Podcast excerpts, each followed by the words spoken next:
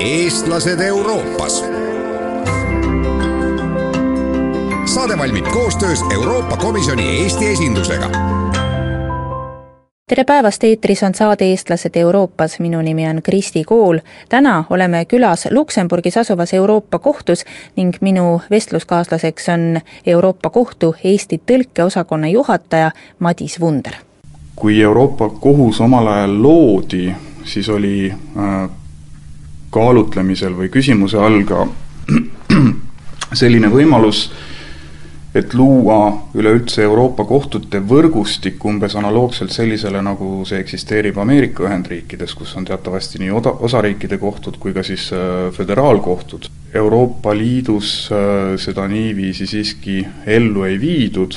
ja leiutati lihtsam süsteem. ehk siis äh, leiti, et Euroopa Liidu õigust peaksid kohaldama liikmesriikide kohtud ise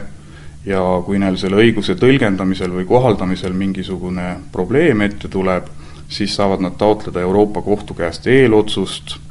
ja see, seejärel siis eelotsuse saamisel äh, selle vaidluse ise lahendada. ja kuna Euroopa Liit on nüüd äh, mitmekeelne äh, struktuur, siis see õigus äh, äh, peab olema samuti kättesaadav siis mitmekeelsena kõikidele kodanikele ja liikmesriikidele samamoodi, samaaegselt. ja siin tulemegi siis meie mängu, kus me põhimõtteliselt äh, vahendame siis seda Euroopa Liidu õigust, mida Euroopa Kohus on ühel või teisel viisil mõistnud eesti keelde.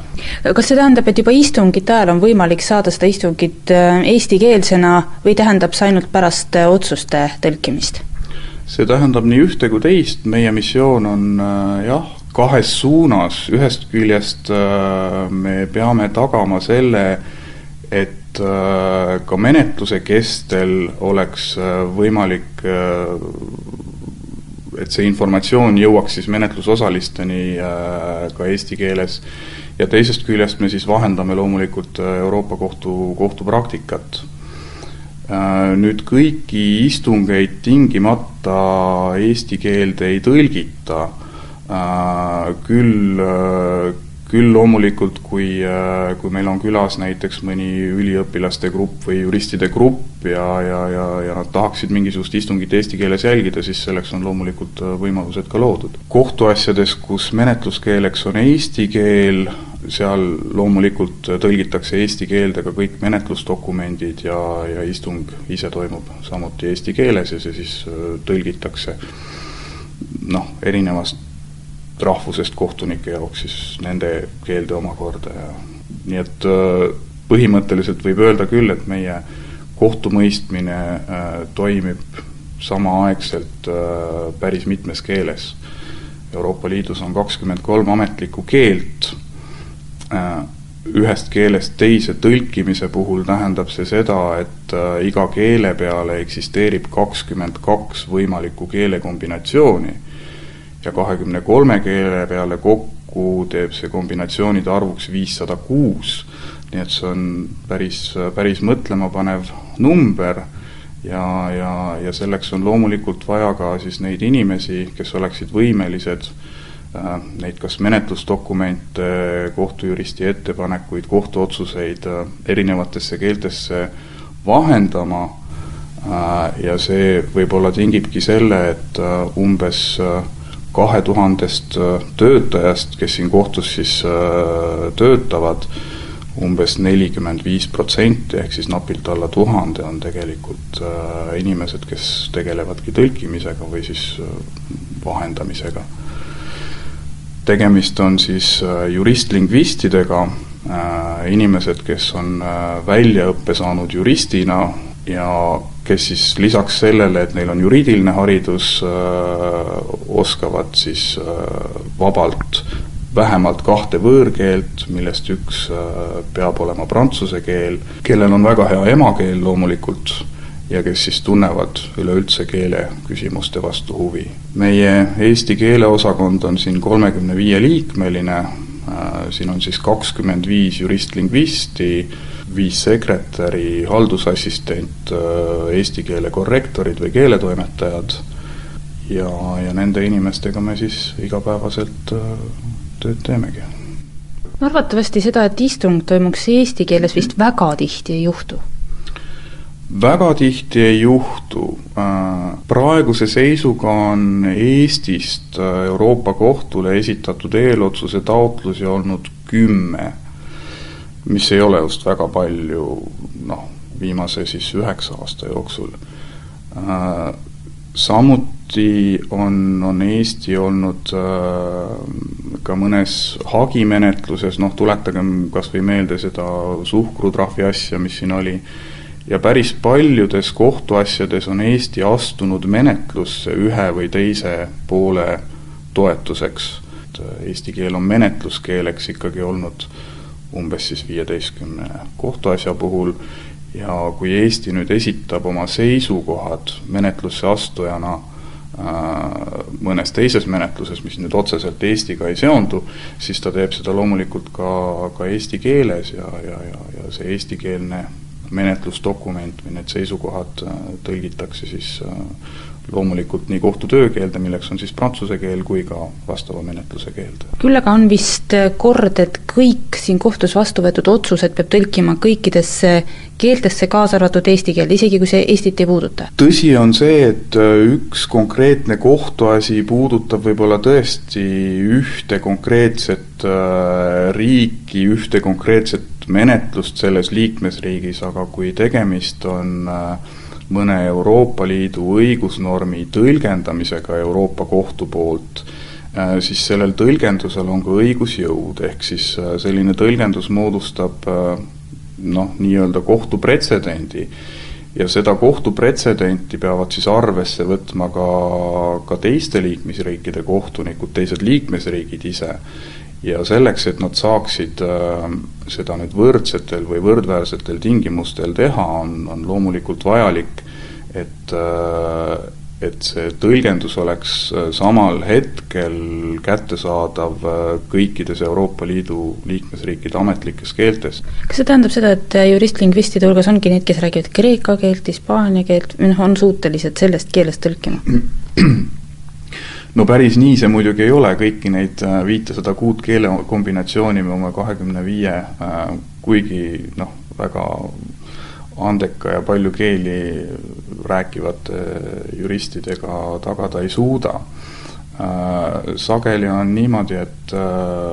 keeli, mida me ise ei valda ja neid on muidugi palju, noh, võtame siin noh, Leedu, Kreeka, Portugali, Poola nendest keeltest me otse ei ole võimelised eesti keelde neid dokumente ümber panema ja siis me teeme seda sageli mõne teise keele vahendusel mm.. ootame ära, kuni see dokument on siis tõlgitud näiteks kas prantsuse, saksa või mõnda teise suuremasse keelde ja siis tõlgime omakorda selle keele vahendusel. ja seda tõlkes kaduma läinud asja ei tohi juhtuda? tõlkes kaduma läinud asja ei tohiks küll juhtuda, noh, äh, mina nüüd küll ei julge väita, et neid tõlkes kaduma läinud asju nagu kunagi juhtunud ei ole, eks, eks, eks tegijal, tegijal juhtub loomulikult, aga, aga selge on see, et põhimõtteliselt äh, ei tohi me endale mingisuguseid vigu lubada, me peame olema ääretult nõudlikud, sest tegemist on ikkagi juriidiliste, kaalukate, keeruliste konfidentsiaalsete äh, tekstidega, kus, kus, äh, kus sageli võib ka ühel komal või, või, või koolonil olla päris, päris suur äh, tähtsus. Ja kui kõik need kohtuotsused avaldatakse siis kõigis, kõikides liikmesriikide keeltes üheaegselt, siis kõiki peetakse tegelikult nii-öelda originaalversioonideks ehk siis neil on erinevates keeltes on, on, on täpselt äh, samasugune õigusjõud niimoodi, et äh, kui mõni dokument mõnes keeles on noh, tõlgitud natukene halvasti ja ütleb näiteks vastupidist, et, et, et siis see on põhimõtteliselt problemaatiline. no see on äärmiselt vastutusrikas töö, kas on nii, et üks jurist-lingvist on ühe nii-öelda dokumendi kohta või nad saavad ikkagi meeskonnaga töötada, et inimene ei oleks selle tekstiga päris üksi, et tal on keegi, kelle käest nõugi küsida, kel, kelle arvamust teada saada ja, ja kellega vastutust jagada? meil tavaliselt äh, töötavad ühe dokumendi kallal vähemalt kaks inimest, ehk siis äh, üks inimene tõlgib dokumendi ja, ja, ja teine jurist siis omakorda toimetab tema tõlgitud töö üle, pluss siis veel keeletoimetaja ka, kes siis, äh, kes siis noh, loeb tekstile korrektuuri ja kohendab vajadusel ka, ka natukene keeleliselt neid tekste. noh, loomulikult on siin palju sellist äh, tehnilist äh, sõnavara, kohtutöö spetsiifilist sõnavara, nii et eks need, eks need tekstid selles mõttes suhteliselt rasked, rasked on ja võib-olla eestlastele või Eesti juristidele ka natukene võõrad kohati tunduvad. aga, aga eks me kõik pürgime selle poole, et neid võimalikult maalähedasteks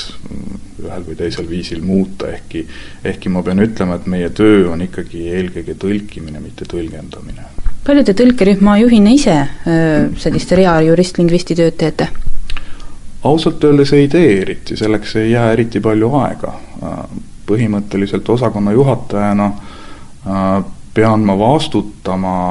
selle eest, mida siin osakonnas tehakse ja, ja noh, teatud määral kvaliteedi kontrolli ma muidugi teen, aeg-ajalt äh, on lihtsalt huvitav ühte või teist äh, otsust või, või ettepanekut või eelotsuse taotlust lugeda, tähelepanelikum tuleb olla siis noh, selliste, sellistes menetlustes, mis on siis Eestiga ühel või teisel viisil seonduvad või, või mis võivad pälvida siis avalikkuse suuremat tähelepanu kui, kui kohus on näiteks suurkojaga või täiskoguga otsustab äh, mingisugust eriti kaalukat, äh,